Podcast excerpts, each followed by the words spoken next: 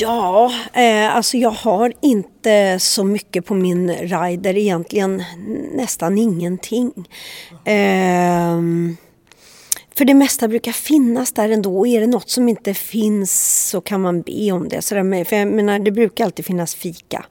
Uh, och det är väl i princip det och någon handduk efteråt att kunna torka Men, men uh, så, så, att uh, nej, Eh, jag, jag, vet att det är jättekonstigt och en del arrangörer har också varit lite så här, oj ja, vi vet inte riktigt vad, ja vi har fixat, men ofta har de ju fixat jättefint och med frukt och sådär. Men, men, kaffe och frukt brukar jag nog säga och gärna någon macka. Det är nog det. Ja. Som, så jag vet inte om det är inskrivet i riden eller om de brukar säga det från bokningsbolaget. Ja, gärna lite kaffe och en macka och, och, och en frukt. Mm. Och, och, och, spriten och de vita kattungarna och så då? De, nej? Nej, kanske får lägga mig till med det sen, sen när, när man väl börjar gigga igen. Liksom, när allting börjar.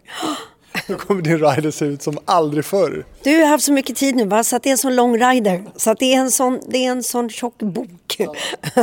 Det känns lite Siw Malmkvists av dig att, att liksom inte ha några större divalater och sådär när du är ute va? hon, hon har inte heller det, någon rider. Hela den här gamla skaran liksom. Jaha, du tänker så liksom. Ja, ingen aning. Nej, men jag tycker det är kul att få åka ut och gigga och, och folk är så goa och, och, och sådär. Va? Så att, eh, nej, så det är inga... Och jag åker ju oftast också och giggar. Eh, jag har inte med mig någon, brukar inte ha med mig någon representant. Många har ofta med sig någon sådär. Eh, men om det inte är på turné, då är ju turnéledare ju toppen. Liksom, så att. Eh, men du har din egen assistent? Ja, du tänker på Peter som just nu har fått, vet inte om han skulle gilla den benämningen. Men, men jag gillar det. Min gubbe är och hämtar kaffe och te åt oss, just det. Här ska vi mumsa gifflar eh, med Marianne Elisabeth Grönvall, mer känd som Nanne. Välkommen till Hitfabriken. Tack så mycket.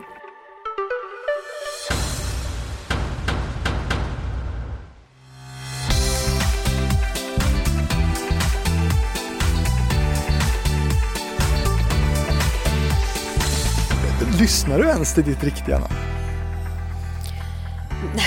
Det vet jag faktiskt inte eftersom ingen äh, säger det numera så, äh, så vet jag inte. Marianne, ja jag vet inte om, om jag skulle vända på huvudet om de ropade. Jag tror inte det. Men har du reggat Nanne? Nej? Nej, det har jag inte gjort. Nej. Det här ska bli jättespännande. Du har ju firat 35 år som artist. Wow! Eh, och vi har så mycket att prata om. Vi får se om vi hinner allting. Det är, det är jättespännande. Liksom, om du skulle beskriva din karriär. Jag tänker att du kanske också har haft möjlighet att reflektera lite nu när, e-, efter ditt eh, jubileum här. Hur, hur beskriver du liksom det du har gjort, det du har åstadkommit? Oj, ja det är ju som sagt det är 35 år sedan vi var med i Mello första gången. Så att eh, det är svårt att, att, sammanställa, men jag skulle nog vilja säga berg och dalbana med loopar. Liksom. men eh, samtidigt ett jobb som jag verkligen älskar att få hålla på med. Och nu sitter vi här ute i, i Danderyd i någon slags kontorshotell och här, ni kör någon kontorslösning här? Ja, precis. Vi har kontor här. Eh, för att vi är ju också ett eh, alltså produktionsbolag. Vi, vi går in och, och eh, bekostar och äger alla våra alltså mastrar och skiv, skivinspelningar och, och videoproduktioner och övriga saker och så. Så, att, så, så vi, vårt företag funkar mer än som just bara för oss som artister så att säga. Som så, utan det är, ja, så, så vi har kontor här. Ja. Har ni varit noga och sådär eller hur känner du kring det att, att, ni, att ni ska äga allt och ha, koll på allt liksom, juridiskt kring, kring musiken? Ja, det var nog mer tillfälligheter att vi, eh, alltså, eh, att vi bestämde oss för att eh, se till att eh, äga våra egna mastrar eftersom vi har märkt till exempel att eh, våra eh, Highland och det vackraste och, och, så till exempel då som vi skrev och producerade och så vidare. Eh, där har ju, försvann ju, det blev ju sålt till något bolag som såldes ytterligare sen till något och under lång tid fanns det inte ute på internet och idag är det något bolag som absolut inte går att få tag på för några avräkningar någonting. Eh, och eh, det har även varit annat material vi har gjort förr med Sound of Music och sånt som inte heller har funnits. Eh, svenska Eldorado finns till exempel inte på eh, Spotify och sådär. Så att vi har ju känt att det är ju våra skötebarn och längs vägen när andra äger rättigheterna så har man ingen kontroll vart det tar vägen eller vad som händer med det. Så att därutav att vi bestämde att nej det här går ju inte, vi kan ju inte hålla på och skriva låtar och sen så försvinner och så kan man inte få tag på dem som ja, har det. Tack Peter får vi säga. Tack så mycket! Du kan ta med dig giffel här om du vill. Nej, det är jättebra för mig. Vill du ta gifflar? Då tar någon med dig. Ja, kom här och ta giffel. Ja, det tycker jag. Det är bra. Tack älskling kan inte du berätta för, för oss då, ditt första avlönade jobb, på tal om juridik eller på att säga, men ditt första avlönade jobb som, som musiker, minns du det? Ja, jag, nej, jag tror att det var... Det var nog Melodifestivalen 86 när vi gjorde, medverkade i SVTs... Ehm, ja, på SVT Mello. Um, och sen blev det ju det året blev folkparksturné och så.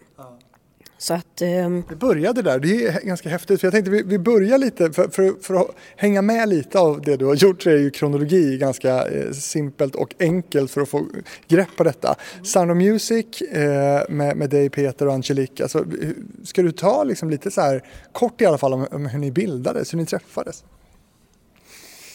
Vi hade, nu vet jag giffel samtidigt så jag bara mm, ehm, Nej men vi, Peter och jag träffades, eh, i- han spelade i ett band och jag spelade i ett band och sen på något sätt så blev det en liten hopslagning utav de banden. Och det var så Peter och jag träffades. Ehm, och, ehm, och sen så fick vi skivkontrakt och eh, det blev Sound of Music utav det så att säga då. Så att, eh, för vi behövde några som var med och körade i gruppen och så hittade vi bland annat Angelique och sen så, ja, på den vägen blev det så här. Så till, till slut så blev det helt enkelt att det blev Sound Music som var vi tre. Vad gör Angelique idag? Och det, det vet jag inte, vi har inte hörts på... eh, Det, vi hade, ja, det har inte blivit av, vi har inte hörts, så jag vet inte idag faktiskt. Vi har ingen kontakt då? Nej, vi, alltså, och det har, inte, vi, vi, det har inte blivit av att vi har, det är ju tyvärr så man hinner inte med att hålla kontakten med alla på samma sätt som man, har, som man vill. Liksom. Men hon var ju med och gästade när jag gjorde mitt 25-årsjubileum eh, på Lorensbergs eh, teatern. Så att, eh, och, och sen så efter det så hördes vi och sa att vi måste se något, någonting mer men sen rann det ut i sanden. Känner alla igen sig i. Man har alltid någon som man, liksom, som man runnit ut i sanden med. Men, men 86 då Melodifestivalen för första gången med den lite underskattade låten Eldorado.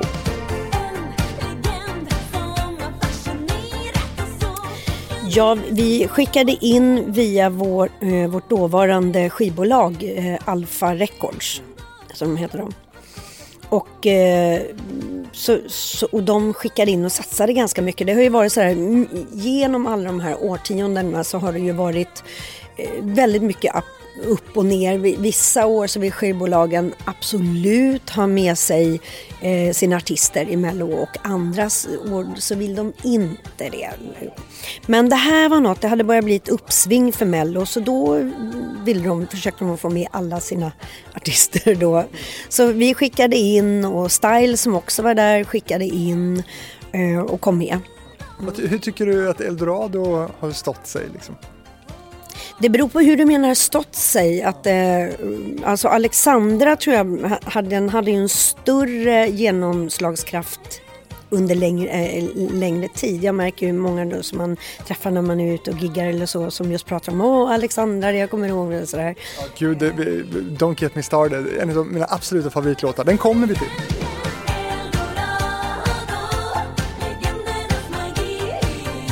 Okej. Okay. men, eh, men som sagt det var ju en fantastisk upplevelse men det, det, var ju också ett väldigt konstigt melloår. Då visste vi ju inte det eftersom vi hade ju inte så mycket att jämföra med förutom att vi tittade på mellon naturligtvis och visste ju att det här var ett udda inslag nämligen att alla spelade in videos. Och jag var höggravid då med min eh, förstfödda eh, Robin. Och så kommer jag ihåg att vi filmade från bröstet och upp så att säga. Då. Och då kommer jag ihåg att jag, jag kände mig lite sådär, varför vill de inte filma med min stora vackra mage? Jag hade en jättestor guldklänning på mig. Den, den var verkligen jättestor. För, eh, för det var inte så lång tid innan jag skulle föda. Men, eh, men som sagt men det året var ju speciellt på flera sätt. Det, det ena är ju som sagt var att det var videos och det innebar att sen gick fem vidare och vi hade turen att gå vidare då bland de här fem som gick till final.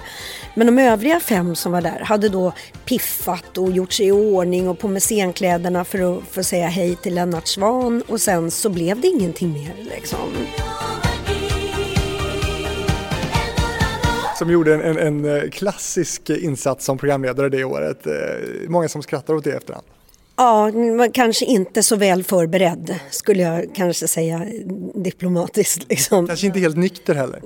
Ja, det, den biten vet jag faktiskt inte. Utan, nej, det, det märkte vi nog inte. Utan däremot att han var väldigt dåligt eh, påläst. Alltså, han sa ju fel namn och sådana här saker. Eh, men, eh, men, men som sagt men vi var ju glada att vi fick vara med och, och det var spännande och det var kul. Men sen också att eh, vi det året då så eh, Peter och Tommy Ekman i Style vi gick, gick vi för något tillfälle förbi rummet där för då var det ju bara jury som gav sina röster. Och då hörde de inifrån rummet att eh, Dove Calais spelades. Men den spelades på kassettbandspelare och det gick för långsamt.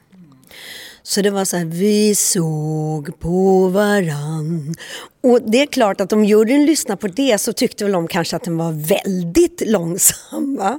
Och då blev ju andras upptempolåtar som Är det det här du kallar kärlek? Då går jag Är det det här du kallar kärlek? Eh, och, och, så vidare. Alla våra upptempolåtar kom ju ändå till någon form av att man eh, Ja, så, så juryn satt och lyssnade på låtarna i en halvton för eh, lågt ner, för långsamt. Skandal typ ju. ja. Det blir lök på det här. Typ. Ja. men men eh, ni kom fyra, eh, 86 eh, och ert album som ni också släppte samma år var på engelska. Var, var siktet inställt liksom på internationell karriär här egentligen? Oh ja. Mm. Det var ju på den tiden då vi kände att åh, vi vill ut och vi vill bli världsstjärnor. Liksom. Nu är man ju gammal och bekväm och tycker det är toppen att bara få resa runt i, Sverige. Och... Diggiloo. Mm, ja men det är härligt, ja men jättekul. Och det, det är ju liksom, men mm, absolut, vi hade ju mål då och ville breaka utomlands och, och, och så. Eh, och det var på väg, vi hade en låt som hette Magic Night.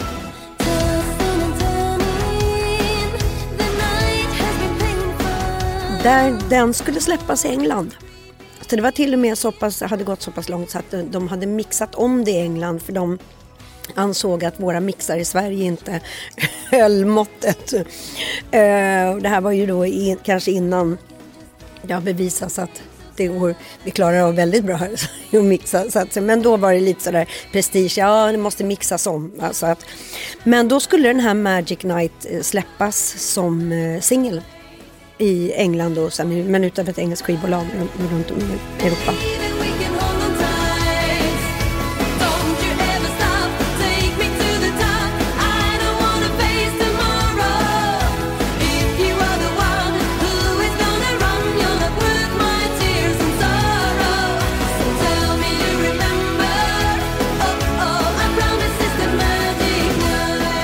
Men det rann ut lite i sanden under vägen där.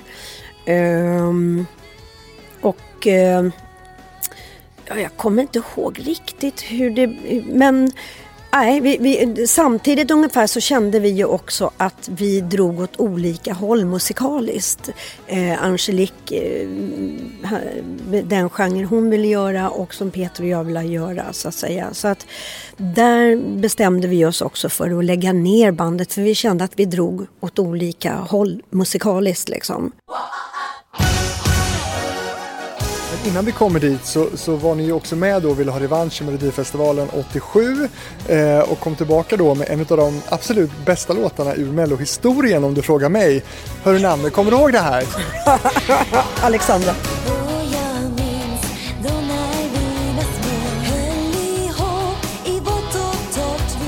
Men jag kommer ihåg Alexandra och det är många som gör det. Eh, vem är Alexandra? Ja du, och, och har hon någon chans? Jo du, Alexandra hon har, har kanske någon chans. Alltså grejen är den att den låten kom till väldigt mycket i sista minuten. Um, jag kommer inte ihåg om, om det var så, så att vi inte hade fått till något eller om vi hade tänkt att nej vi ska inte vara med i Mello och sen bara jo men den här låten. Så natten innan det skulle skickas in då satt jag och skrev den här texten. det hade kunnat bli annat, det hade kunnat bli ett annat namn kanske? Absolut. Vilka namn var på listan? Du, det kommer jag inte ihåg. Jag kommer bara ihåg att jag var väldigt trött när jag kom till studion nästa morgon. Jag hade suttit upp och skrivit text hela natten. Um, men så skickade vi in den och så kom det med. Men handlade det om, om din och Angeliques vänskap? Nej, det var ju... Ja, ja du menar... Jaha, du menar... Jag trodde du menade att hon var så här... Eh, jag trodde du menade tvärtom. Att det var... Nej, för att Eh, den, alltså, te den texten handlar... Ja, nu... nu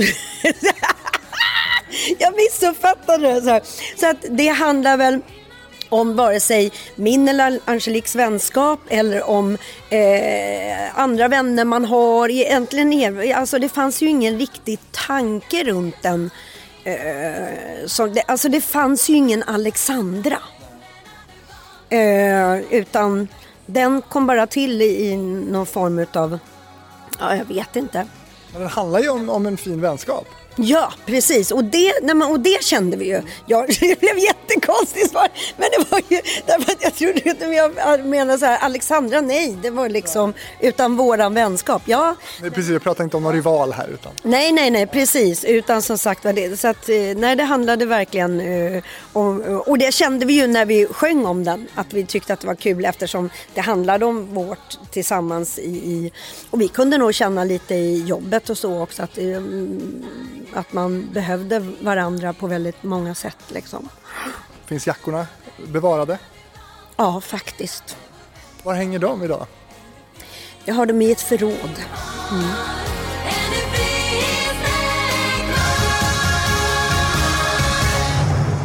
Är du, är du en hoarder? Alltså sparar du allt? Nej, men, eh, nej, nej. men eh, just utav scenkläder och sånt där så har vi nog sparat en del eh, grejer, liksom inte allt. Vad har du för favoriter bland, bland scen-outfits du har haft? Åh, det är nog svarta änkan-dressen. Eh, bland annat. Eh, och så avundsjuk-klänningen. Tycker jag är... Eh, men det är många, jag har gillat väldigt många. Mm. Avundsjuk ska vi också återkomma till, men, men du, även albumet efter Alexandra eh, var på engelska. N när kände ni då liksom att, att, eh, att ni skulle ge upp då den här internationella planen? För sen, för sen kom ju One More Time sen.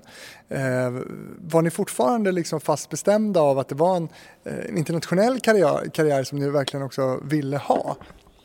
Eh, ja, då var vi det fortfarande med One More Time. Vi hade ju också däremellan en kort och intensiv icke-karriär med en grupp som hette Peters Pop Squad som släppte, jag tror vi släppte två singlar och vi var nere i Tyskland och spelade in och det skulle satsas och, och det var, men hela den resan är en sån här, jag skulle kunna skriva en bok bara om den för det, det var verkligen så här Spinal Tap. Eh, för de som har sett den eh, rockfilmen så kan jag säga att det här var verkligen en verklighet för det var ingenting som gick rätt, ingenting som gick rätt. Så att, eh, Vad var det värsta du var med om där då? Det går nog inte att säga något sådär värsta utan det var allt, det, det var så mycket så att eh, det, det, var bara inte meant to be. Liksom. När kommer boken? Det, tids nog kommer den nog. Tids nog kommer den. Liksom. Men därför var det väldigt kul då med eh, Highland och där ville vi ju verkligen satsa utomlands. Mm. Eh, innan vi kommer till, till One More Time så tänkte jag på, på Sound of Music och, och det faktum att, att, Peter och Angelique var ett par. Mm. Hur påverkas en grupp och gruppdynamik och sådär med att det är eh, ett par med? Ja, alltså jag tror att det, det, kan naturligtvis vara på både gott och ont. Både, både för paret och för de som inte är i paret. Femte julen. Ja, nej men precis. Ehm, så, så det gäller ju att hitta, att ha dialoger och, och, och, så liksom. Men jag tror framförallt att leva som par. Ehm, Peter och jag, nu har vi ju varit ihop i, ja blir det? Namn räknar det blir väl 34 år va? Och har jobbat ihop i eh, 41 år. Det är ju, för oss är det ju gemensamma faktorn liksom. Och eh, sen finns det ju det här när man säger så här, ah, man ska inte gå och lägga sig osams. Jo men för fan, det kunde man ju, här är gränsen, inte med någon jävla fot på den här. det liksom, och det kunde vara sådär då, då var vi sådär, vi kunde ju tjafsa om allt möjligt. Vi kunde ju liksom, ah, vad, vad har du gjort av alla körerna vi stod med hela, vad är det där för en synt? Usch vad den där hemsk, du måste ta bort den. Nej, jag tänker, alltså, nu, är vi, nu orkar inte vi sånt där. Vi bara såhär, men vad är det här? Vad är det, varför byta ut den här? Oh, jag bättre. Ja, ja, okej då. Eller tvärtom. Och, och, det är klart att det kan väl också vara tufft då, som sagt var för den utomstående parten som är då som, eh, jag menar som Maria nu då i One More Time till exempel då sådär. Men, men vi har ju mognat med åren och, och sådär liksom. Eh, och, eh, du har en del erfarenhet av att vara ihop med din bankkollega? Eh, ja, du menar att vi har varit ihop så lång tid? Ja. Eller vad? ja. Mm, ja. Och sen eh, som du sa då så, så lades ju Sound of Music eh, ner eh, och i början av 90-talet så bildas då One More Time. Eh, och det otroligt coola med det, det är att One More Time ska göra comeback. Ja, vi får väl se här. Jaså, det var en disclaimer här verkligen. Ja, precis. Ja, men vi håller på att titta på det här. Så, att, eh, så får vi se. Oh! nu knöt sig Nanne direkt Oj, nej, här. Nej. nej, men visst är det väl så? Ja, vi, vi, får, vi håller på så får vi se liksom, vart det tar vägen. Var, vilket stadie är ni i? Liksom? Just nu skriver vi planlöst både för allt möjligt. Både för det och, och för mig själv och, och eh, för andra och sådär. Så att eh, så, ja, så vi får se vad, vad det blir framöver liksom. Väldigt hemligt här. Ja, eller just nu så är det, alltså det är för tidigt att säga någonting sådär. Vad, vad, vad, vad blir nästa? Ja, vi vet inte det riktigt själva än. Liksom. Men om det blir ett One More Time igen, blir det med Maria Rådsten då? Ja, absolut. Oh ja. Mm -mm. Oh, ja. 1992 då fick ni en internationell megahit kan man säga som låg etta på hitlistorna i över tio länder.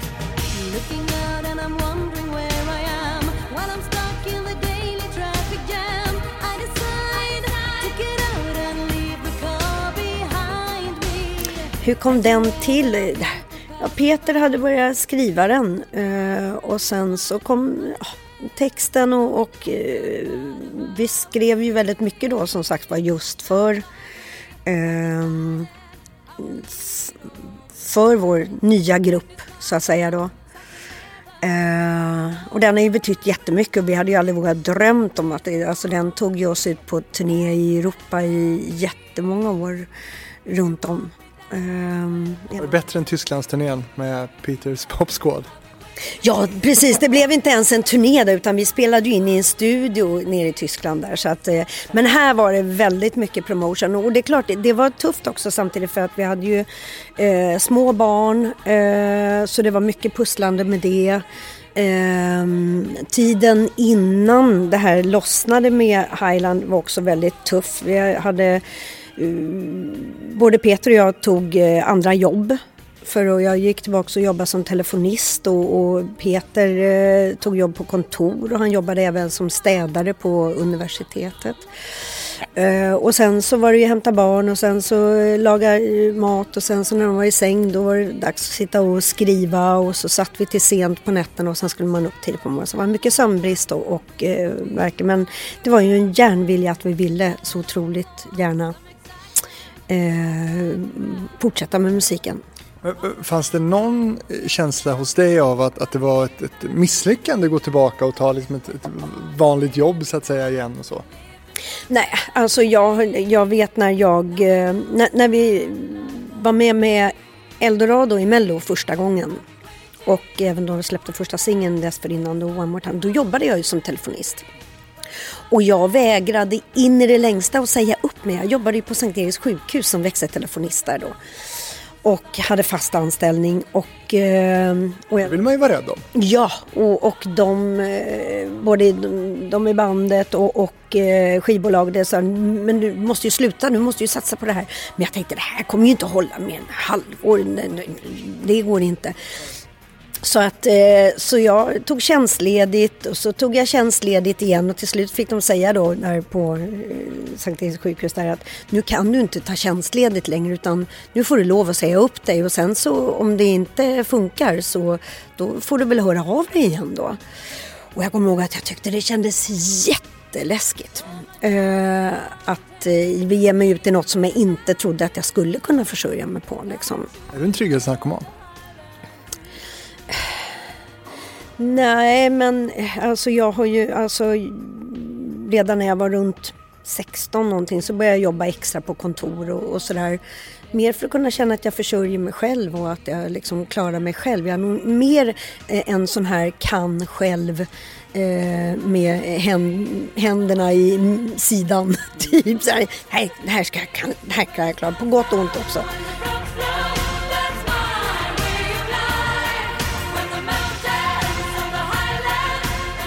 Kan du sakna växeljobbet idag?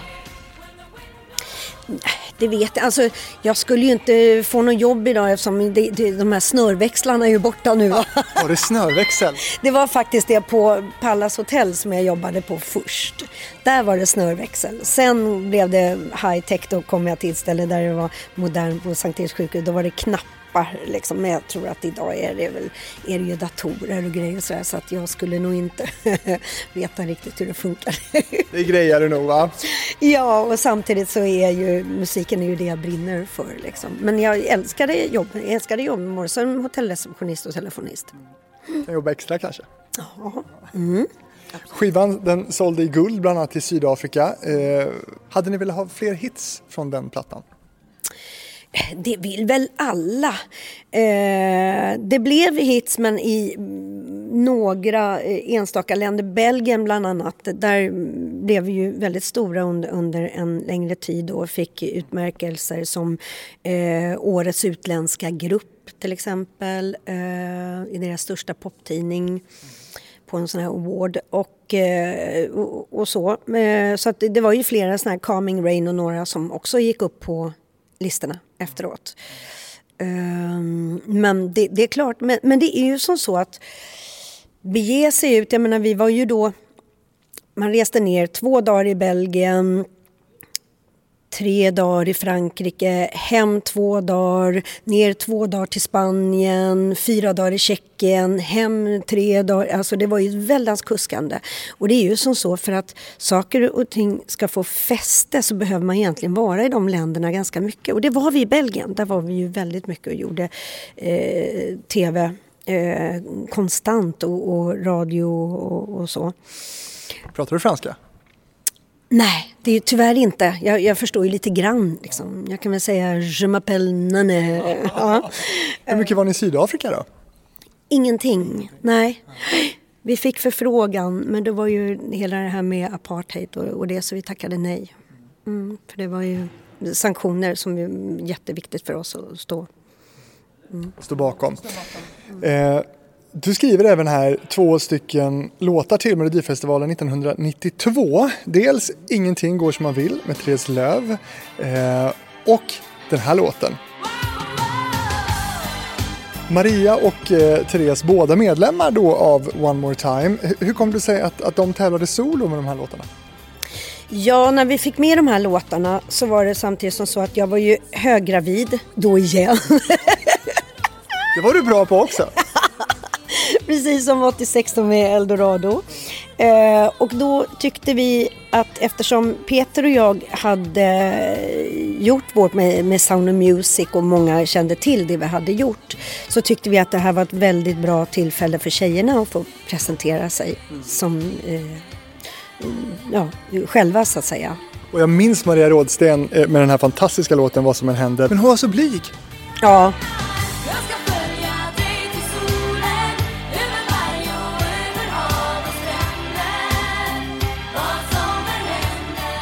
Hon är, alltså hon är en av de snällaste, finaste, bästa och roligaste, mysigaste människor som går att träffa.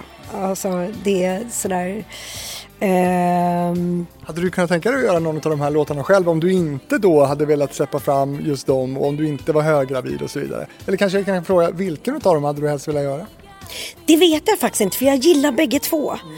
Eh, tyckte väldigt mycket om bägge två låtarna. Det är ju två olika stilar. Liksom. Ingenting går som man vill är lite mer namnig va? Ja, den kanske är det. Alltså. Så att jag tror att hade jag gjort det solo så hade det kanske blivit den och hade man gjort det som grupp, grupp så hade vi kanske gjort vad som än händer. För det är ju lite så här beroende på varför. Men eh, jag gillade bägge två jättemycket. Mm. Och vann det året gjorde ju Christer Björkman. Just precis. Ja. Mm. Även om det hade gått bättre för Lisette Paulsen och Bisas. Ah. Det vet ju alla. Är det så? 1995 då skriver ni Det vackraste åt Cecilia Wennersten som tävlar i Melodifestivalen och kommer tvåa. Eh, men väljer då också där att inte göra den själva. Varför då? Just då var vi ute och reste väldigt mycket eh, runt om i Europa. Vi är fortfarande väldigt mycket promotion. Vi hade släppt vår andra One More Time-platta och hade fullspäckat eh, ja, schema, eh, promotionschema utomlands.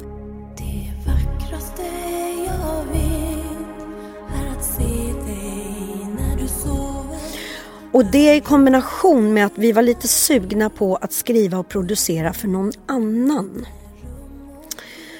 Och, eh, och den plattan betydde väldigt mycket på det sättet. Det var egentligen den första jag skrev på svenska ordentligt. Och hela den plattan tycker jag är så fin. Jag är verkligen jättestolt över den plattan. Och med eh, Sissis vackra röst och, och att vi hittade ett mm, musikaliskt format som verkligen blev något eget med henne tycker jag. Ehm. Det vackraste blev ju en megahit och en låt som, som många än idag minns och sjunger och framträder, inte minst på, på bröllop och så. Förstod du att det skulle bli en så stor hit? Nej, det trodde vi inte. Däremot så eh, trodde vi ju mycket på eh, både låten och även på Sissi.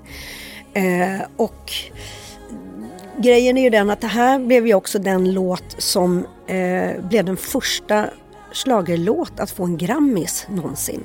Som årets låt vann det ju pris. Och eh, när vi då hade skrivit låten och vi spelade in den med Sissi och det skivbolag som vi hade då så sa vi att vi ville ju då att de skulle släppa det här också. och De ville varken ha låten och inte Sissi. De ville inte släppa med något. Liksom. Vi blev ju inbjudna så att vi fick skriva precis vad vi ville.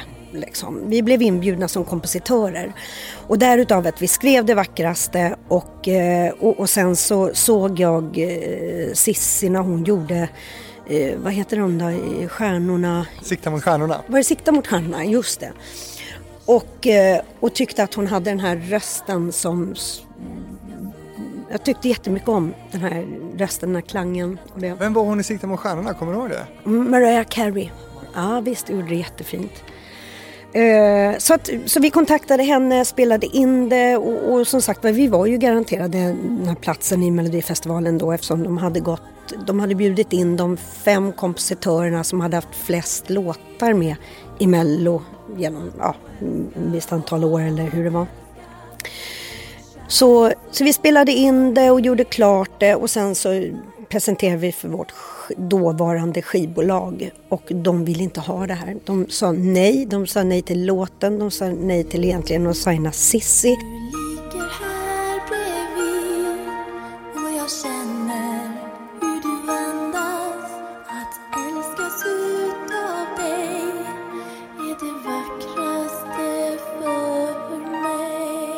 Men vi stod på oss och så gjorde de det.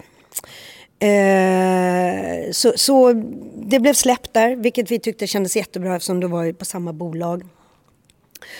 Och, eh, och, grejen är ju den att sen då när det blir, blir det ju en framgång och då är det ju, då är ju skivbolaget oj, oj, oj, ja det är ju liksom. Och sen blir det en Grammis nominering och Grammisgalan.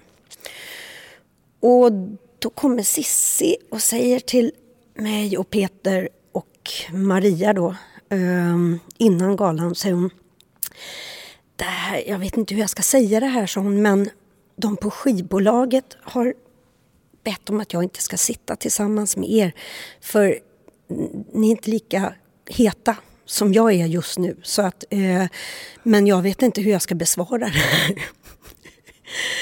det är liksom, det är faktiskt första gången jag berättar det här. Det är liksom, och för oss var det ju som då hade kämpat så hårt för detta, som visste att vi hade liksom men det här är, kan vara branscher, och jag tror inte bara det här musikbranschen, jag tror i alla möjliga sådana här, alltså, eh, men det är klart att vi blev ju man blev ju ledsen va? och kände att shit, det här är ju det som vi har skapat och där det verkligen var att nej, vi tror inte alls på det här och, och så vidare. Och sen när låten blev en hit då, um, ja, mm, det, det, var liksom uh, men eh, som sagt var, det blev ju, vann, vann ju Grammisen. Och eh, framförallt det som är det stora priset i det här är ju att den spelas så mycket på, på bröllop och dop och, och så. Det är fantastiskt. Så det är jättekul att vara med och skriva en låt som har fått sån effekt. Och Cissis röst är ju också, den lyfter låten jättemycket. Jag gjorde ett avsnitt med Anton Ewald i Hitfabriken och han eh, är lite inne på samma som du, att den här branschen som ni är i, den är ormig som han kallar den. Eh, det här är ju ett, ett, väldigt bra exempel på det tycker jag. Va, va, va, vad säger det om, om den här branschen som, som, som ni är i och har valt att vara i? Ja, jag, jag, skulle nog inte vilja säga att den är ormig för samtidigt så är det fantastiska människor, fantastiska eh, eldsjälar och kreatörer men det är mycket osäkerhet eh, och eh, så att jag tycker nog inte att det här skiljer sig mot om jag är på andra arbetsplatser att eh, det är människor utav olika, med olika personligheter som man möter. Liksom. Men jag tycker nog samtidigt att det här är också ett yrke med väldigt stor lojalitet, mycket kärlek. Det är eh, jätte, jätte, jag säger en gång till, jättemånga nya vänner jag hittat i det här jobbet. Och vare sig på artistkollegor eller skivbolagsmänniskor som man har jobbat ihop med och sen fortsatt att hålla kontakt med. Så att alltså, de här som kanske blir en besvikelse, det, det hittar man nog tyvärr överallt. Men framförallt ska vi komma ihåg guldkornen man möter i livet och de finns också i alla yrken. Så att, nej, jag tycker nog inte att... Men, men det blir ju som så att typ av såna här yrken så kan det ju vara många som kanske söker sig till det Fast egentligen, ja. Inte på Sankt Görans växel är det inte sån här nej. drama och droger och allt. Nej, nej men det, det är det ju inte. Det, det är liksom, eh, fast det vet man ju inte. Det, och nu var det inte Sankt Göran, det var Sankt Erik. Ja, förlåt. Det var inte, det kunde vara lite, vi kunde ha lite smådraman där i, i rummet. men nej. Eh, och, och, nej, som sagt var, så att, att det här att folk tror att det är droger. Jag ska säga, jag under 35 år, jag har aldrig tagit en drog i hela mitt liv. Jag druckit alkohol sådär, men jag har aldrig tagit Men jag har heller aldrig sett någon. Så att jag tror att väldigt många inbillar sig att Åh, här går alla på. Nej, det är liksom, nej. Vilken syn att se Nanne dra en lina. Nej, fy vad hemskt. Usch, usch. Nej, den får du klippa bort. Det... Ja, nej, jag sa inte att du hade gjort det, men vilken nej, syn jag, det hade, för man nej, förknippar ju inte dig med det. Nej, usch, det, det är tragiskt. Alltså, nej, men som sagt, så, att, så jag ville bara säga det, att det är liksom, för att jag tror att många tror att Åh, alla de där, det är liksom, vi kan ju partaja, fan, det kan väl folk också oavsett jobb liksom, och, och, och, och eh, alkohol eller att man då, men, så här, men just det här med att man förknippar den här branschen med droger, det tror inte jag är, är liksom... Jag vet inte, men jag har inte sett det. Och jag har eh, liksom ingenstans bland några av mina vänner och bekanta, inte en enda gång. Det är ju ganska fascinerande får man säga. Mm. Bra, nu har du, är, är vi klara med drogerna? Ja, just det. Ja, nej, jag ville bara säga det därför ja. att jag tror att många tror att det, det är som sagt men jag vill säga att jag har aldrig sett någon gång det, liksom, när man har varit på fester eller någonting sånt. Aldrig. Mm. Även om det naturligtvis förekommer även i, i din, i din generations ja, musiker. Nej, men det, precis, men det är just det här att jag ville på något sätt dementera därför att man säger så här, man kopplar ihop det med den här branschen och det tror inte jag, jag tycker det är väldigt mycket sunt leverne och, och eh, äta rätt och jag gör inte, jag äter, jag moffar i mig Mina gifflar. Ta en till. Ja, ja, precis. Ja. Men så jag vill verkligen slå hål på den myten att det är verkligen som så att... Eh, ja, så nu har jag gjort det. Nu kan du få gå tillbaka till frågan där igen. det är liksom... Precis, för, för Det vackraste blir en jättesuccé eh, och sen så släpper ni den på engelska 1997 med titeln Living in a dream. Hur kom det sig då? Ja, vi hade nog tänkt att släppa den. Den var ju tänkt lite sådär som One More Time. Det var ju därför vi skrev det från början men när vi kände sen då att vi inte ville göra Mello eftersom vi hade promoschemat. Liksom. Så, att, eh, så eftersom vi gjorde den på engelska så tyckte vi att det kändes kul att lägga med den eftersom det finns ändå ett One More Timeskt sound i den.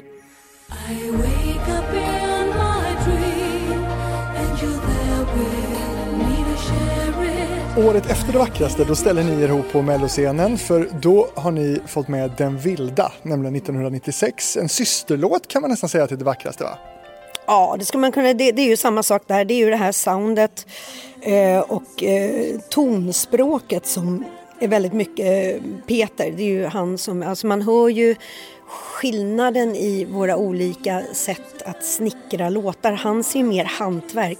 Mitt är mer bara sådär jaj med en spik, jaj, jaj, hammaren, tjoff, tjoff. Nu är det klart, nej men inte riktigt så men jag menar hör man avundsjuk eller håll om eller så här, det är mer rock i, i, i, det som är när jag skriver mina låtar eh, gentemot när Peter då gör som Highland eller mm, det, det vackraste eller den vilda och så liksom. Och den vilda fyller 25 år i år. Grattis! Tack så mycket! ja.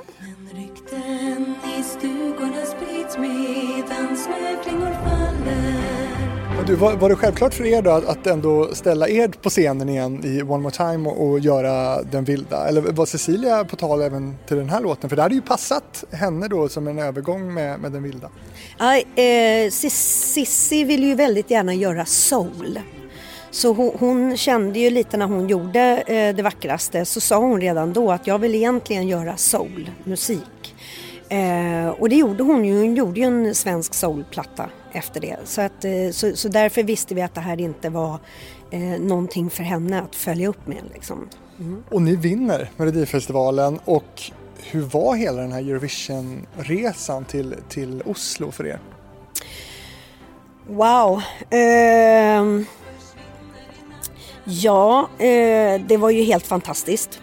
Det var ju eh, väldigt roligt. Men, men eftersom vi då hade varit med i Mello flera gånger så hade vi nog målat upp lite samma. Att det är för tror att många tänker så här, ah, där bakom scenen på Melodifestivalen, där är det nog sån konkurrens och folk säger, men det är det inte. Det är så mycket kärlek och det är så mycket, för alla vet vad vi ger oss in Nu pratar jag om svenska Mello där då så att säga, när man, och man umgås och stöttar varandra och så vidare.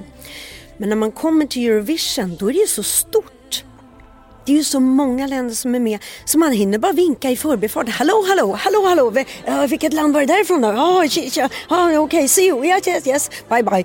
Och så var vi, vi var för trötta för att gå på de här, det fanns ju några, några länder som brukar ha lite fester på kvällen eller bjudningar och sådär men vi var ju så trötta så vi var bara gick och la oss. Jättetråkiga. Ja, säkert egentligen. Ja, precis, det är ju så att det liksom... Eh, men... Eh, Ni var favorittippare? Ja, vi kom ju trea.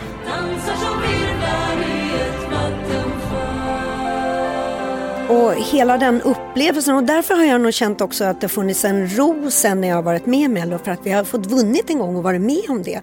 Och det är en fantastisk resa men eftersom jag också däromkring kände att eh, vi vill inte fortsätta utomlands. Liksom. Eh, för att det, alltså, så många år som jag hade hållit på och rest i, i promotion och, och, som sagt man visste knappt vilka länder man var i till slut. Sådär. Vänta, vart är vi? Sådär. Så att vi ville ju, eftersom vi hade barnen också och kände att vi ville bara vara hemma och jobba. Liksom. Det märks ju på utgivningen här, för, för 97 så släpps då ert dittills sista album. Ja, precis. Och, eh, och det var ett vägskäl för då hade jag redan sagt till Peter, alltså redan två år innan så hade jag sagt att det här går inte, vi kan inte. Jag kunde till exempel inte ha med bilder på barnen på hotellrummet. Eh, för då grät jag. Och ringde man, oh, jag känner bara när, när, jag, när jag kommer ihåg när man ringde hem och hörde deras röster. Och det var fruktansvärt. Det var fruktansvärt. För jag längtade ju hem och sa det till Peter, det här går inte. Eftersom vi bägge också reste va, så är det liksom, och jag sa det att vi kan inte resa bägge två. Eh, för vi trodde ju i början när allt sparkade igång med Highland att eh, men det här blir nog bara ett litet tag och så fortsatte ju år efter år. Så då hade jag ju sagt att ni måste hitta en ersättare för jag måste hoppa av. Så jag får vara hemma för någon av oss måste vara hemma. Liksom. Men i samma veva så um, blev det att Peter började skriva musik till eh, Kalle Blom, Astrid Lindgrens de här Kalle Blomkvist-filmerna. Så han gjorde filmmusiken till det. Och, eh, och då började jag skriva musik som sen blev avundsjuk, bland annat den plattan. Men då, och där kom en naturlig vändning till att det istället blev tvärtom. Det vill säga Peter blev hemma och jag var ute och reste. Men eh, jag hade redan innan där bestämt så att vi kände på något sätt att det här blir den sista i den här konstellationen som är. För då, då hade jag sagt att ni måste hitta en ersättare. För det går inte. Vi kan inte vara ute bägge två och resa. Men istället blev det tvärtom. Så. Jag ser hur, hur känslosam det blir. Ja men det, alltså det, det är ju sådär, det, det är ju så kluvet eftersom det var ju det där vi hade kämpat så för och verkligen älskade. Och vi älskade att få resa och, och hålla på med musiken. Men samtidigt så fanns det ju något som var ännu större och viktigare i livet för oss. Och samtidigt ska vi komma ihåg att det var också perioder då vi eh, var hemma månadsvis istället och skrev. Eh, och jobbade, så då var vi hos dem 24-7. Liksom. Så att, eh, Belgiska pommes frites inte, det slår ju inte familjen va? Nej det gör ju inte det. Nej men så, så det var eh, så fantastiskt och, och, men det var svårt. Eh, så, och man kan ju inte släppa med dem på det här heller eftersom det är ju sådär när man landar på flygplatsen och så hämtar de från skivbolaget och sen så ska man in i bilen och så ska man iväg till någon eh, radiointervju och sen direkt in i bilen igen och sen så kanske sitta och åka två timmar till någon annan stad och så in och så ska man sminka sig och göra ordning och sen är det tv-inspelningar. Eh, alltså det du beskriver nu Nanne ska vi också säga, det är ju mångas dröm. Ja, det jag vet och det var ju våran också. Men längs vägen så upptäckte vi att vi hade en ännu större dröm och det var ju våra barn att vara där. Nu kommer min gubbe här också. Ja, vi, pratar, vi pratar om dig. pratar om hur svårt det var det här med eh, varför vi, när vi gjorde vår sista One More Time-platta, vi pratade om att det var så svårt med Eh, barnen och kände att klarade inte av till slut. Alltså när vi ringde hemifrån hotellrummet och hörde deras röster då, då satt jag ju grät hela kvällen och så kunde man inte... Det var ju svårt och så hade ju Maria sin lilla Ida också och det blev ju en naturlig utveckling att, vi, att, äh, att du gjorde din solorush då. Och jag fick ju massa att göra också då med filmmusik och så det blev liksom en naturlig övergång. Sen, Hur var det för dig då att se liksom Nanne bryta ihop mer eller mindre när, när man, hon skulle prata med barnen hemma? Alltså, det måste ju varit ganska jobbigt som, som, ja, som pappa men också som, som medföljande liksom, artistkollega. ja, vi kände nog samma sak. Och just det där att eh, ingen av oss var ju hemma. Ingen, ingen kunde vara där. Men jag har ju själv vuxit upp eh, med, med, under, med en pappa som då var ute och turnerade jämt när jag var liten. Men då Jag var med i någon grupp där. Ja just det, han var det. Men han var ju, det första han var med var ju Hepstar. Så då var det ju morsan eh, och mormor och morfar hade jag ju då. Va? Och det var väl lite grann det som var så skönt för våran del. Att vi hade ju faktiskt Nannes eh, mamma och Nannes, pappa och min syster. Och eh, var, var ju väldigt eh, underbara under den tiden som gjorde att vi kunde genomföra det här. Så att hade vi inte haft dem då hade det ju inte varit genomförbart. Nej. Men det som händer då, det är ju någonting också som jag tycker är ganska häftigt, det är ju att, att det, skapas ju ett, ett Nanne-sound eh, som egentligen ingen kommer i närheten av än idag skulle jag säga, eller hur? Nej, och den kom ju till utav en ren tillfällighet för att eftersom Peter som sagt var satt och skrev på de här eh, Kalle Blomqvist eh, musik, filmmusiken där då. Så blev jag så här, jaha vad ska jag göra då? För på något sätt så det är ju han som har hållit i allt vad det är inspelningar och produceranden och sådär, vi har skrivit då tillsammans. Men då tänkte jag att men då får jag väl skriva själv då. Ja, hur gör jag då? Hur spelar jag in? Och så fick Peter börja visa mig jag skaffa någon sån här musikdataprogram och jag fick börja lära mig och så ja, koppla in någon liten eh, synt sådär så man kunde sitta och klinka och vad lägger jag för ackord och basgång, hur, hur lägger jag en basgång och, och sådär och börja ja, skriva. Så jag skrev lite planlöst sådär. Du, du tänkte inte då så här, äh, nu sätter jag mig i växeln igen? Nej, alltså då var vi så inne på eh, och, och skriva och, och, och eh, verkligen inne i ett musikaliskt eh, flöde. Eh, så att, utan det var mer sådär att, men jag visste ju inte riktigt vad jag skulle göra av det. Va? Eftersom det var sådär att ja, jag skriver men, men vad blir det? Men det var, jag hade fått mer smak också när jag skrev på svenska med eh, eh först med Sissi och sen gjorde vi ju andra One More- eller sista One Time-plattan där också, även på, både på svenska och engelska. Så du, hon satt ju alltså våningen ovanför. Ja, precis ovanför mig där jag satt nere i studion. Jag hade inte en aning om någonting vad hon gjorde. Det var inte förrän jag var klar och hon skulle spela upp alla låtar. Och hon hade inte gjort här två utan hon hade gjort liksom nio, tio stycken. Och började spela upp. Och det första hon spelade upp det var Avundsjuk. Och jag var helt såld. Jag tyckte det var alltså, så fruktansvärt bra. Det var ju så, alltså det var totalt far out. Det är ju ingen som skriver sån här musik. Det är Nanne-soundet. För, för 98 så blir det ju då solo för första gången i, i Melodifestivalen med, med för den tiden då en, en ganska udda låt får man väl säga. Eh, när du hörde den första gången då, vad, den var far out säger du, men tyckte du att den var, vad, vad tyckte du? Ja, för den, alltså, både alltså, texten och attityden och, och, den, eh, och det uttrycket som hon hade, det gick ju så rakt in. Och det skilde sig så mycket från det vi hade gjort innan. Det var ju en helt annan grej. Och det, ja, så att... eh, Och då blev vi ju inbjudna till Mello samtidigt där. Men det känns ju också som att det är, eh, det är ju skinnbrallor-Nanne som sitter här och det här känns ju som att, att eh, det här var din stil va? Ja, det var det. Du är Eh, ju rocktjej ju. Ja, det är jag.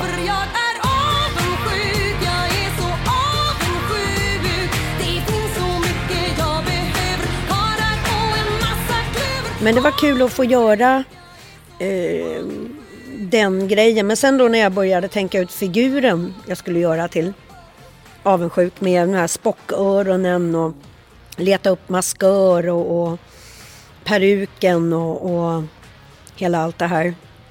Eh, Det var inte oproblematiskt vad jag förstår. Nej, det var lite eh, samma eh, sak där då så att säga. Att det skivbolag som vi hade då. ehm, när jag presenterade upp det här och sa att jag skulle göra den här i Melodifestivalen.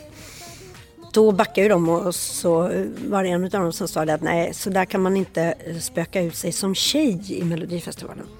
Och då tänkte jag, då kom hon med de här händerna i sidan igen och säger, då ska ni få se på. Men, men då stod vi ju faktiskt också eh, utan eh, utan skivbolag.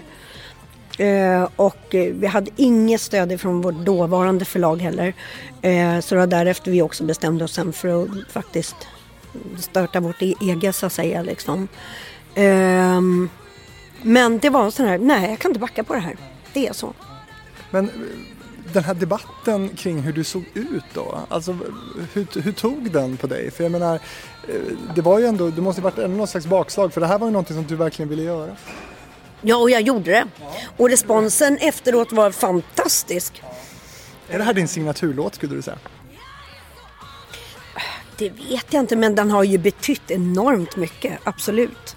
Och ehm, också, alltså jag, det är hela tiden folk som fortfarande hör av sig och berättar hur mycket de betyder för dem. Att de tycker att de får leva ut saker de egentligen känner eller att eh, det är ju ett, det det är ju ett ganska viktigt ämne för att jag menar det är ju under humorform som det här är men- ändå är det ju väldigt viktigt att prata. För jag, jag tror ju att avundsjuka kan säkert vara en bra drivkraft för många att fan, det där ska jag också klara.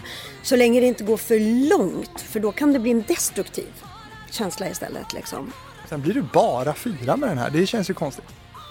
Ja men supporten efteråt var ju fantastisk. Så att det var ju liksom Det jämnade ju ut sig. Det var ju på den tiden det var jurygrupper. Och det gick inte hem hos jury, men den vilda gick ju hem där. Och det kanske den inte hade gjort på samma sätt den gången. Det kunde man hacka i sig. Vi hade kommit fyra så många gånger förut. Så att det, det, Men, men eh, hur trött är du på avundsjuk? ingenting. Ingenting. Men du måste ha haft sådana perioder tänker jag. Nej, nej, nej. Den är lika rolig varje gång att göra. Det är verkligen så. Och det är inte att jag säger utan det är verkligen som så att det är en sån här låt. Eh, både den och Håll om mig och, och, sådär tycker jag fortfarande är lika kul varje gång. Avundsjuk är så kul. Jag får plocka fram teater... Eh, bruttan i mig. Musikalnamnen liksom. Ja, den är ju teatralisk och får leva ut och så det är lite rockkänsla i att få sjunga och skriva sådär. Så att, nej, jag tycker det är lika kul varje gång. Jag sjunger, vet inte, det är ju hur länge som helst sjunger den. Men nej, Hur trött är du på den Peter? nej, det är fortfarande lika kul. Och det är, det är så med många, många av de låtarna som vi... Alltså vi kan köra dem hur många gånger som helst. Det gäller ju även, även det nya som vi gör. Vi har ju kört eh, på nu med våran Carpool Karaoke nu det senaste året. Och vi jobbade ju väldigt mycket med den. Och, men alltså varje gång vi kör. Alltså det blir så roligt fortfarande. Alltså det, är, det, och det gäller alla låtar. Det finns inte någonting som är tråkigt. Och, ehm, och det är väl det som är viktigt också när man skapar det här. Att, att man känner att när man gör det att det här är bra. Och då håller det ju liksom.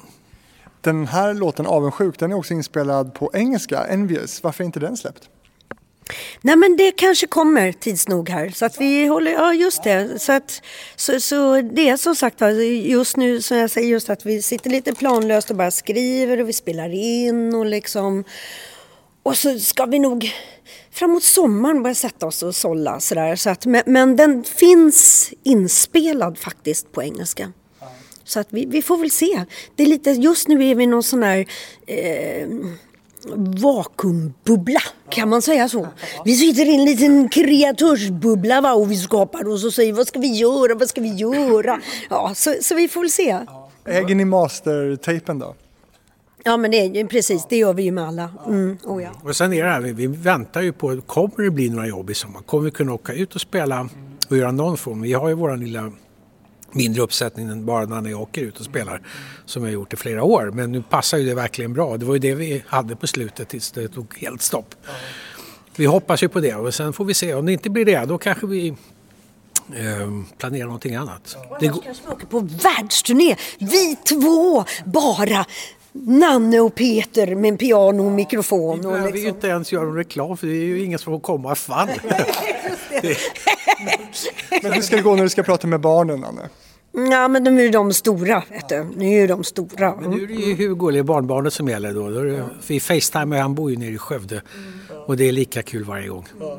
Tack. Och, och mm, så har vi två barn till, barnbarn till. Tobias Haifa Ja, men de också. är hemma vid här nu. Så att de träffar Ja. Du släpper då plattan Cirkus Homo Sapiens samma år som Avundsjuk och det är lite här som, som Nanne-soundet kanske liksom, eh, sätter sig. Och det är väldigt mycket text och berättardrivna låtar. Men vi ska inte heller glömma att du tävlar också i den brittiska uttagningen till Eurovision 2001 eh, med en låt skriven av eh, Katrina and the Waves Kimberly och låten hette Men. Oh.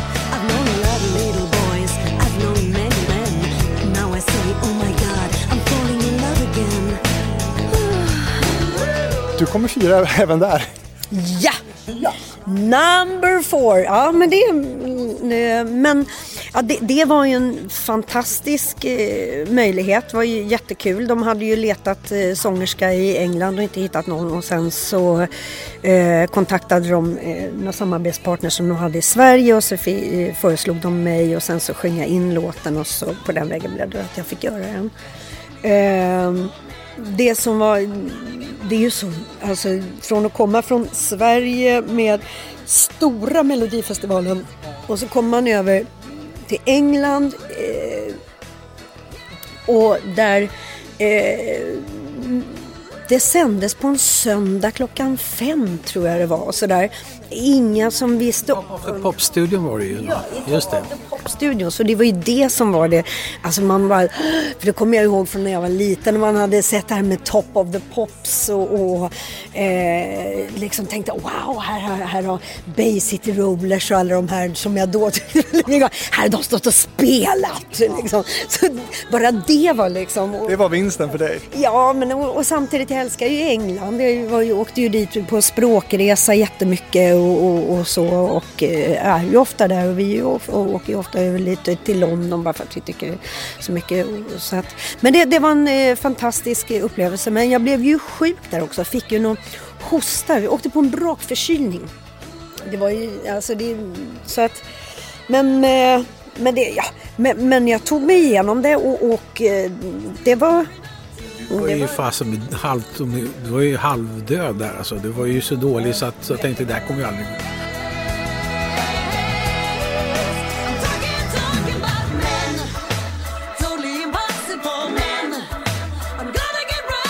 Det där var ju ingenting. Så där var det ju hur många gånger som helst. De flesta som håller på med det här vi kör ju i 40 graders feber. Det ska kunna gå ändå säger de och så gör de det.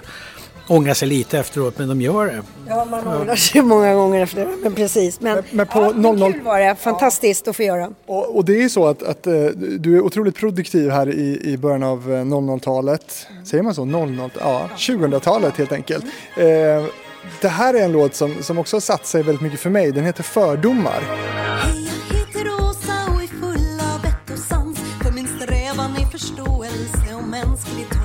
Också en sån här textdriven, rolig eh, Nanne-låt. Var va, va kommer den här ifrån?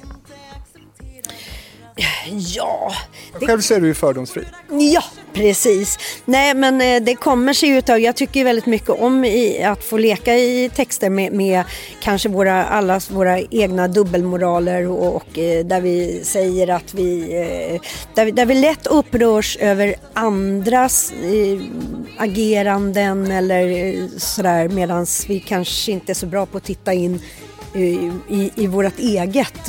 vad- är liksom, och det, här, det här handlar just om att, att som människa säga att man anser sig vara fördomsfri. Nej, jag har inga fördomar, jag har inga fördomar. Och sen så kan det ändå dyka upp. Så det är det som jag tyckte var kul. Då. Jättehumoristisk. Men, men lät det inte lite väl mycket ABBA över det här Peter? Ja, det gjorde väl det. Ja, det men det var, det var en, alltså när vi höll på med den där så var det väl så att det kom på lite hela tiden. Vi kunde liksom referera till, ja det blev någon liten drill där och lite gitarrgrej där, någon stråkljud där och det blev det började liksom, och vi tyckte att det började liksom, men då tänkte vi, det får, då gör vi det så. Då tar vi med det som en grej istället. Jag tyckte att det var kul att leka med just det här också. Att, eh, precis som jag säger i slutet på låten när det slutar och man bara, ja det är en jättefin sound du har skapat här Peter men låter det inte lite väl mycket, mycket ABBA? Och Peter bara, nej, ja, ja, nej, förlåt det var väl fördomsfullt av mig Peter, förlåt.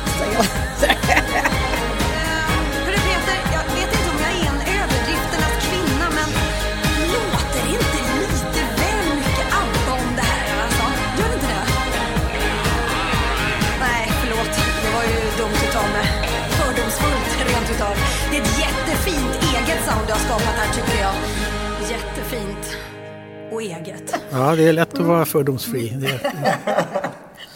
Ja, kul var. Men den skivan gillade jag jättemycket. Det var fantastiska texter. Det var ju även Hatar älskar var med där. Det var ju ot- otroligt starka texter. Men, men eh, när man jobbar med musik som, som ni då, eh, och med den bakgrund och historia som ni har, har det varit ett lite, liten ett ok det där med att inte flörta för mycket med ABBA-soundet liksom? Nej men jag tror inte vi flörtar med äh, du Peter utan vi, jag tycker nu på något sätt har, däremot att du har skapat ditt eget sound. Däremot att det finns ju eh, som sagt var Peter har ju och, och brås utav så att säga eller liksom som man du har vuxit upp med.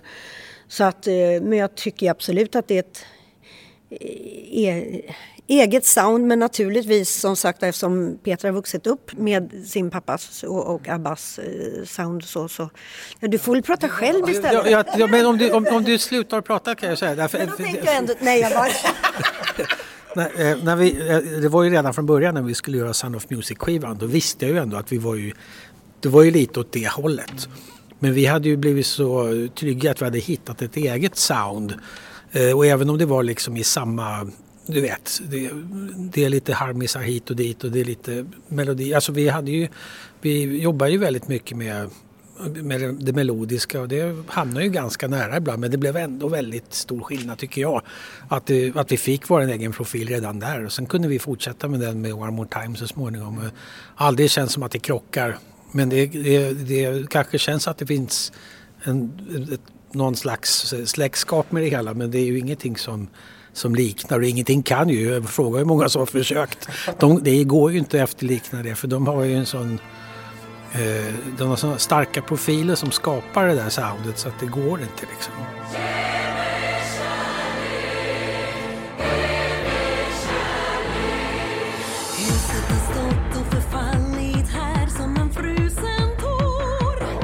Vi ska dra på lite och hamna i 2003 för då ställde du dig igen på melloscenen själv och då var det Evig kärlek eh, som du framförde och det är första gången du inte tar dig till final. just det och det visste jag ju redan innan. Det var ju ett hysteriskt operadiskonummer. Kanske om man hade fått haft eh, körer och sådana saker på tejp där så hade det kanske, för då kan man skaffa, ska, gjort mer det här pop-opera kör-soundet liksom.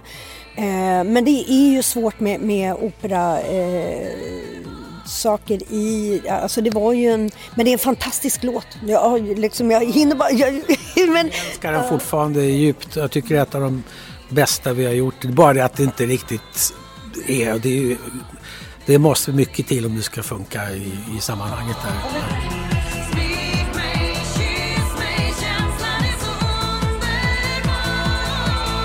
Att jag hade en diskussion om, okej, ska jag verkligen eh, göra den här låten eftersom den kommer inte att gå eh, vidare. Men samtidigt så tyckte jag det var kul att göra. Däremot är det ju som så att det, ibland är det meant to be och ibland är det inte meant to be. Och det här var inte meant to be. För att eh, det var väldigt mycket som gick fel också. Det visade sig då att eh, Camilla Thulin som hade gjort de här fantastiska kläderna och eh, med de här underbara i körgänget jag hade med och allting och, och sådär. Det blev ju ett jättevackert nummer som Roine Söderlund gjorde. Men eh, i stressen och någonting så när det var dags för sändning så visar det sig att jag har ju min korsett upp och ner. Redan där så Camilla Thulin efter hon bara Men Nanne när jag pratade med henne efteråt hon bara Men Nanne du, du har ju korsetten upp och ner. Va? Det var liksom. Sen dessutom så hade jag eh, ett eh, sån här dramatiskt parti där då och då hade jag hade Camilla sytt eh, på, på armen längs med så var det tyg som jag sen då skulle gå fram till eh, en rök eh, och vindmaskin och då skulle jag släppa ner de här tygerna från armarna och då skulle det eh, blåsa, slå upp eh, i, i liksom sådär utan den här vindmaskinen som eldslågor då sådär. Och jag går fram dit och så drar jag ner de här eh, grejerna och så ställer jag mig och säger Åh, jag ber dig, ja. Och det händer inte ett skit. Vindmaskinen går inte igång. Däremot går rökmaskinen igång. Va? Så den är så mycket så att det är fullständigt så. Det gick ju inte utan det bara går upp som ett jävla skorsten. Så Det är som en tjock rök som går rätt upp på mig. Ingen vindmaskin. De här så kallade eldslågorna på armen, de bara hänger som tygslamser.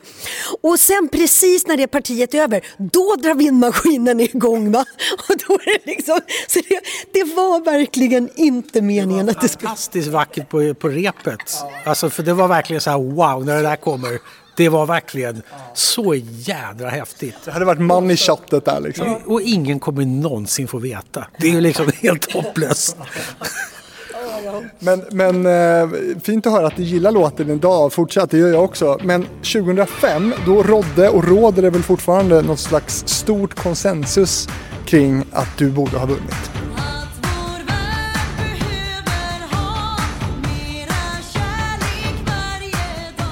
Oavsett vad så för mig blev det ju en seger i mig själv eh, bara att överhuvudtaget den enorma responsen efteråt.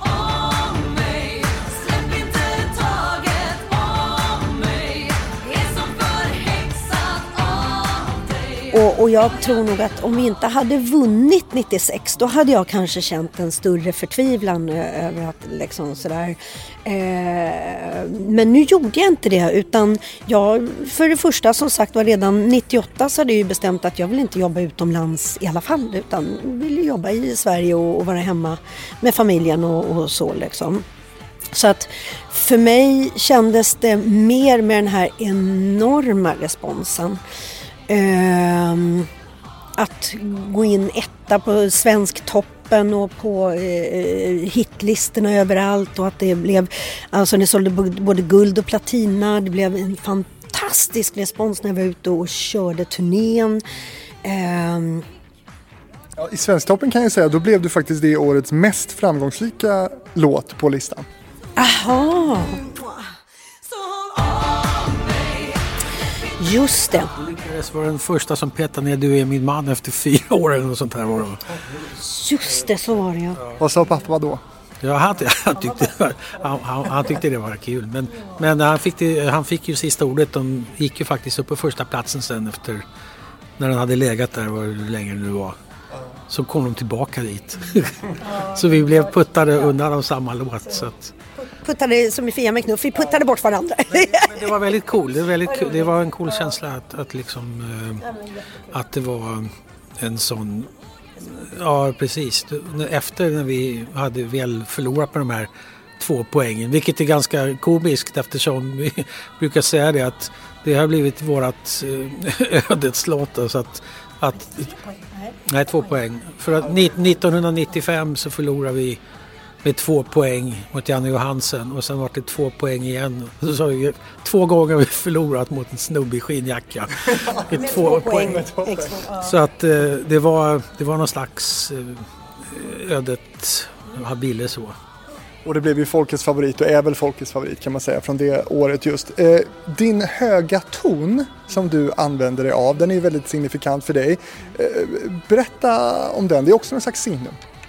Oj, jag vet inte vad jag ska berätta om den. Det, det, Hur hittar du den? Den bara sitter där. Ja, jag vet inte, jag fick nog feeling och ville testa och så blev Men det så. hon har gjort den flera gånger för, även, även under One More Time-tiden och sånt ibland så kunde det komma den här, vad gör hon nu? Hon sjunger, så där högt upp kan jag inte sjunga där. Och, och någon gång då och då blev det, kan du inte prova den som toppstämma på det här? Så det har väl varit med på en och annan eh, grej, men- fast inte märkt så mycket. Men här fick det ju sticka ut då eftersom den brukar komma lite sådär som på viskaren där, då har du det där skriket också. Och det är. Då tänkte jag det är rätt kul att den dyker upp lite då och då. Kan du, är det en sån där ton, du kan, kan du ta den nu? Kan, kan, finns den i, i dig? Vad är det för ton? Jag kan gå ännu högre upp men jag vill inte, de sitter i konferens här bredvid. jag ser redan att det är kanske... det är Nanne bara som kör här. Ja just det. Vad var det där? Det lät som Nanne. Nej, men så att, eh, för det, det här var en lite lägre ton nu än den som jag tar på hålla mig. Men vad är den högsta tonen du kan ta då? Ja, det vet jag inte. Eh, Det, det är mer att jag, jag tycker det är kul att latcha med rösten. Det är kul att testa, och testa olika. Jag vill veta vem du kan 2007 är du med igen. Var det att du ville ha revansch då? Från 2005? Nej, det var nog mer att jag var sugen på att vara med igen. Eh, den... Eh, nej, utan det, det var mer, den kom också i, lite som Alexandra i absolut sista sekund. Eh, sådär, det var bara typ dagen innan det skulle skickas in så var det så här, ja vänta. väckte mig på morgonen. Jag har kommit på hur vi ska göra, sa hon. Va? Ja, vi, vi gör det så här och så skickar vi in den. Och så fick jag hoppa upp då och sen körde vi eh, dygnet runt tills den var klart då. Och jag skickade över till eh, Pling också. Så, eh, så att jag tror att det var typ ja, max två dagar innan det skulle skickas in. Som det var Ja, liksom. det var jättetajt. Alexandra var ju, det hade vi ju inte ens. Det var ju, det var ju 24 timmar prick. Ja, det var det jag, säger. jag har berättat just att jag satt uppe på natten där och, och eh, skrev texten. Liksom. Det var ju för att de andra, för Style hade ju skickat in igen och till sist kände vi, hur fan ska vi stå utanför? Vi, vi Så provar. det var vad roligt, jag hade glömt bort det. För, jo, för det, så, för, så då, då kände vi verkligen fan, nej fan vi, har ju, vi gör ingenting idag va? Var det så? För jag Ja. frågade just varför skickade ni in och det kommer inte jag ihåg. Du hade inte kommit där, men jag och Angelique sa det, då börjar vi. Och sen kommer du senare på eftermiddagen för du skulle jobba. Och sen skulle de komma för att försöka få ihop en text. Och sen sa vi, vi har en grej här nu, sa vi. Och sen, så vet Jag, jag jobbade som telefonist och fortfarande alltså. Det var ett år efter Eldorado fortfarande. Eh, du hamnar i Andra chansen 2007 i alla fall, men jag måste kyssa dig. Ehm, men åker ut och missar final igen. Eh, skulle du kunna säga att när har Nanne haft det som tuffast karriärmässigt? För det har ju gått så himla bra för dig, men du har ju också haft lite motgångar. Oh ja, absolut. Ehm, men eh, fast alltså, jag tror att det är som så att vi vet ju när- eh, allt från när vi begav oss in i det här jobbet att det är ups and downs och ibland så går det bra och ibland så går det mindre bra. Ibland gör man grejer som faller som en tegelsten i havet liksom. jag brukar faktiskt säga att det är inte så mycket att det är motgång, det är bara att det är svag medgång. Utan det, det, det går inte lika bra som det brukar göra, men det går fall framåt. Men det, det blir ju liksom inte att någonting rasar ihop, utan det är bara det att det inte händer något. Fast det har ju varit, visst har det varit jättetuffa perioder men för det är ju också som så att skriver man en platta och sen så släpper man och så eh, händer ingenting riktigt runt den. Det är ju tufft för att man har suttit och jobbat med musiken minst ett år, oftast mer. Eh, och oftast också då utan inkomster, utan att man sitter och bara skriver och, och eh, producerar och sen så ska det göras skivomslag och sen så ska det planeras för release och sen ska man ut och göra promotion. Eh, och sen kan man förhoppningsvis ut och spela med det också. Men vad är det som gör att det dröjer då från 2007 till 2020, eh, 13 år, till att du ställer dig på den där scenen igen? Har, blev det liksom någon slags ehm, ja, förknippat med, med många saker som, som är liksom avgörande för dig? Egentligen inte. Eh, utan mer att jag inte kände någon... Eh, alltså efter Jag måste kyssa dig, så även om den inte gick till final så var det ju en fantastisk... Eh, alltså det blev en fin respons på den. Och jag gjorde ju en turné som var eh, kanon. Det var ju liksom... Vi hade ju jättemycket folk på den turnén som hette just Jag måste kyssa dig. Så att, så, så den var inte, utan sen har, har det varit annat och jag blev väldigt gigtrött överhuvudtaget. Det var så, jag giggade ju sönder mig och, och sen så eh, jobbade ju så hårt. Jag jobbade för mycket, eller jag dubbel och trippeljobbade. Jag menar när det var som mest så kunde jag ibland göra tre spelningar på en dag. Jag kunde göra någon vid lunchtid, in i något litet flygplan, flyga upp till nästa ställe och sen så sent på natten ställa mig på scenen och göra ytterligare något. Men det, när man hör det, då undrar man ju varför? Det, det, det kan man ju undra. Nej men eh, alltså det därför att jag, jag tror att det har att göra med att när man håller på inom den här branschen så vet man också att det gäller många gånger att passa på att smida medan järnet är varmt. För sen så, och det är nog någonting som sitter i ens bakhuvud. Att, det, det fick man ju snabbt lära sig, men nu måste ni ju passa på för att ja, ja, men vi skulle vilja göra det där senare. Ja, men då är det kanske ingen efterfrågan på det här. va? Okej, då är det lika bra. Så det har tagit tid att lära sig att för det första våga tacka nej till jobb och säga att nej, vilket vi gör nu. Liksom, och, och framförallt sen efter när jag åkte på min eländiga utmattningskollaps. Eh, så det tog tid. Eh, för jag, och, och sen är jag, jag har alltid varit en arbetsmyra. Oavsett vad jag gjort. Jag jobbade jag som telefonist eller receptionist eller på kontor och, och sådär. Så olika jobb som jag haft. var det aldrig något problem att jobba över till exempel. Ja, Men kan du jobba? Ja, ja visst. Det är det inga.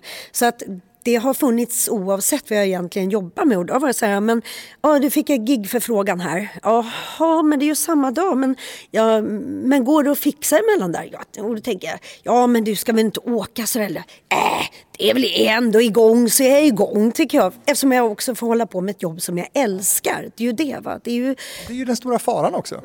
det är det. Det är det absolut. Men, men du har lärt dig av det där och tar mindre gig idag. Ehm, men när ska du besöka James Corden? Oj, det vet jag inte. Har du hört något mer från honom? Har ni kontakt? Nej, just nu är det ju pandemi. Det blev ju precis, pandemin kom ju efter det. Så just nu som sagt var så är ju fokus bara på att eh, på något sätt alla, eh, hela världen ska börja komma i fas. Eh, vaccin och, och eh, människor ska börja få börja må bra igen. Eh, Någon av er fått vaccin? Nej, det har vi inte. Mm. Men eh, Eh, så, just nu är, det där som fokus ligger. Liksom. Jag menar, vi har ju precis som andra också eh, vänner och så som har drabbats och, och, och eh, så. Eh, som har haft tuff, riktigt tuffa resor med covid och, och så. Så, att, så vi får väl se. Utan som sagt var just nu så är det mer fokus bara på... Alltså, vi gör som andra, vi är hemma och... Vi ska avsluta alldeles snart och runda av här. Jag tänkte bara fråga, hur, vad tycker du om de nya ABBA-låtarna? ja, jättebra. Jag, jag pratade med Ingela Pling nämligen, hon hade jag hört, sa hon. Och hon tyckte att den var så bra så att hon började gråta. Mm, det gjorde faktiskt jag också vid en utav dem. Den har vi hört. Och, eh, och, eh, och det är verkligen sådär... Det låter verkligen fortfarande magiskt. Så att det ska bli jättespännande att höra när det här är klart. Ja, men när kommer, alla vill ju höra detta. Ja, men det, är, fan- det är fantastiskt, fantastiskt. Det är ju Jag det. hoppas att det ska bli liksom- klart. Det är ju meningen att den där... um, Hela den här... uh, Ja, vad heter det? Ja, precis. Ava- Avatarerna ska vara klart till nästa år, precis om ett år. Är, det ju, är det ju tänkt. Och det verkar ju som att trots allt att uh, arbetet, de hann ju filma allting precis innan. Tack och lov. Så, att, uh, så att det ska nog funka det där tror jag. Utan att veta exakt hur det rullar på så tror jag nog att det kommer att bli Om jag vänder mig till dig då Nanne, kan ens musikaliska upplevelse av ja, men, säg Abbas musik påverkas av vilken relation man har med personerna som är Abba, förstår du? Hur menar du nu? Ja, Kan man, alltså, om man har en mer liksom, privat relation till musik, kan den förändras då? För jag menar Abba kände ju du till långt innan du träffade Peter väl? Ja. Kan den då förändras hur man ser på den musiken? Nej, det tror jag inte. Ja, det är ju faktiskt en intressant fråga. För, för, för mig så känns det som att det aldrig har någonting med familjen att göra. Det känns som att det är verkligen någonting som är för sig självt. Och jag tycker sig, sen att det är i familjen och man har vuxit upp med det. Jag menar, det är ju en jävla konstig känsla att veta att den här låten, den satt ju de och spelade i stugan för, för ett par månader sedan och nu är det en världshit. Det kändes så jävla konstigt att, att Ja, det var ju, alltså det är ju väldigt häftigt. Det var ju den här känslan av att när man hör musiken är man alltid hemma liksom. Så den känns, den, den känns inte alls att det, att det är farsans musik. Det är liksom musik som finns ändå på något sätt. Fantastiskt trevligt att eh, prata musik med dig Nanne och med dig Peter. Eh, vad kul att, eh, att eh, du ville vara med. Eh, är det så att du som lyssnar har synpunkter eller vill tipsa om gäster som man vill höra i den här podcasten då skriver man till mig på fabrikspost@gmail.com och in på Facebook och Instagram och följ där också för där ska jag pressa Nanne på några korta snabbfrågor nu. Nanne Grönvall, tack för att du var med. Tack själv. Tack.